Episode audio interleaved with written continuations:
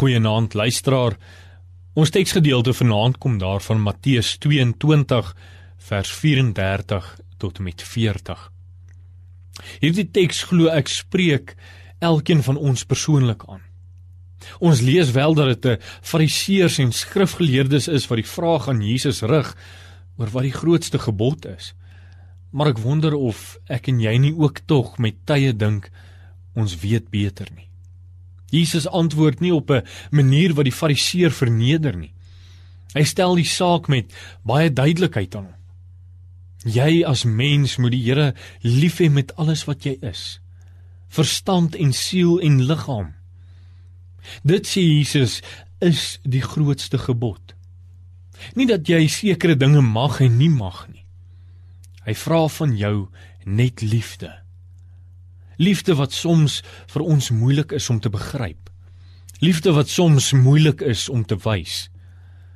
Dan gaan Jesus nog verder en hy sê die tweede gebod wat met hierdie een gelyk staan is dat jy jou naaste moet lief hê soos wat jy jouself liefhet. By hierdie gedagte wil ek 'n oomblik stil staan.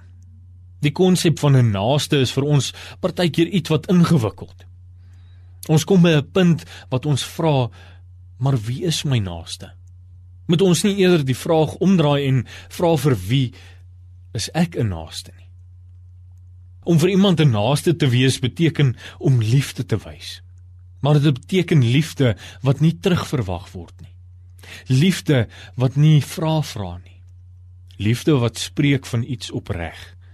Wanneer jy hierdie liefde begin leef, wanneer jy jou menswees tot hierdie liefde wend, jou verstand, jou siel en jou liggaam, dan gaan die vraag van wie is my naaste en vir wie kan ek 'n naaste wees heel by die venster uit. Juis dan is almal jou naaste. Dan is die grense wat ons vir onsself daarstel nie meer van belang nie. Ek en jy moet hierdie grense van die samelewing en wat ons self opgerig het.